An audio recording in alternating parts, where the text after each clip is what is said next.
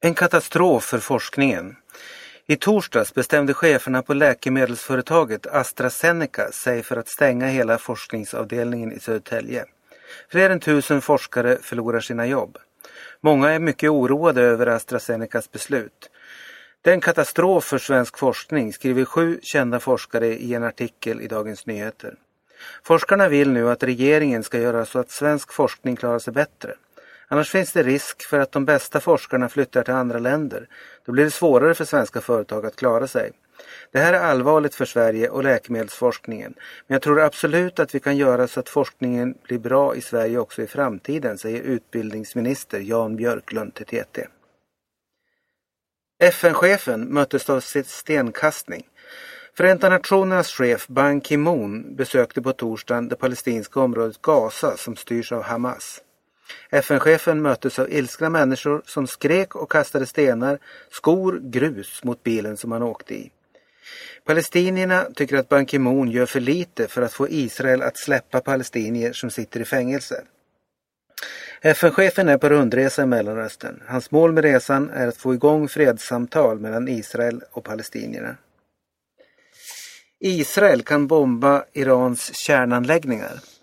Många av världens länder är oroade över att Iran kanske är på väg att skaffa sig kärnvapen. Länderna vill att Iran ska sluta forska om kärnteknik. EU-länderna slutar upp att köpa olja av Iran för att tvinga landet att sluta med forskningen. I landet Israel är oron över Irans kärnforskning allra störst. Israel tror att Iran skulle anfalla om landet hade kärnvapen. USAs försvarsminister Leon Panetta säger att Israel planerar att bomba Irans kärnteknikanläggningar.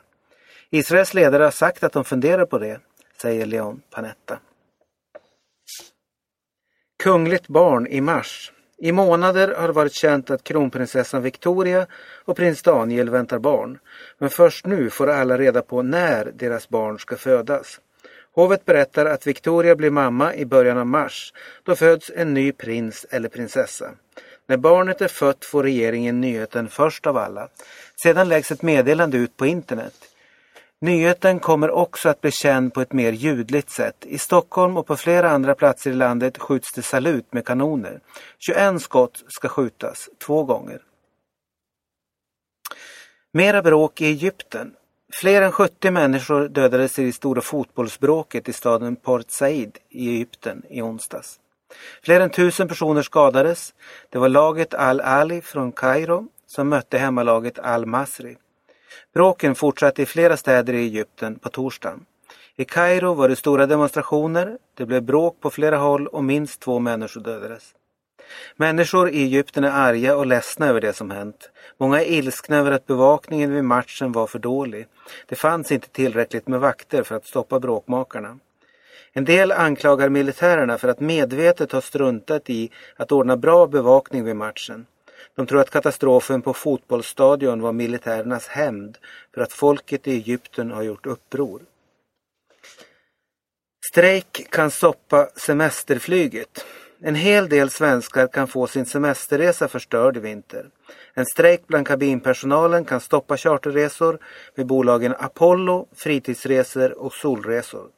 Fackföreningen Unionen säger att strejken ska börja den 14 februari lagom till sportlovet. Unionen vill strejka för att stoppa ett förslag som skulle betyda längre arbetstider för flygpersonalen. Svenska folket äter mera kött. Förra året satte en svensk i genomsnitt i sig 85 kilo kött. Korv, bacon och andra köttvaror. Köttätandet har ökat med 41 procent sedan 1990. En viktig anledning till att folk äter mer kött är det låga priset. Priset på kött har inte ökat lika mycket som priserna på andra matvaror, säger Monica Eidstedt på Jordbruksverket. Theodor vann skidsprint. Det gick bra för skidåkaren Theodor Pettersson i torsdagens skidsprint i Ryssland. Den 23-årige svensken vann finalen före Anders Glörersen från Norge. Det här var Petterssons andra seger i världscupen. Jag hade en fantastisk dag. Mina skidor var perfekt vallade, sa han efter segern. Justyna Kowalczyk från Polen vann damernas tävling. Ingen av de svenska damerna tog sig till finalen.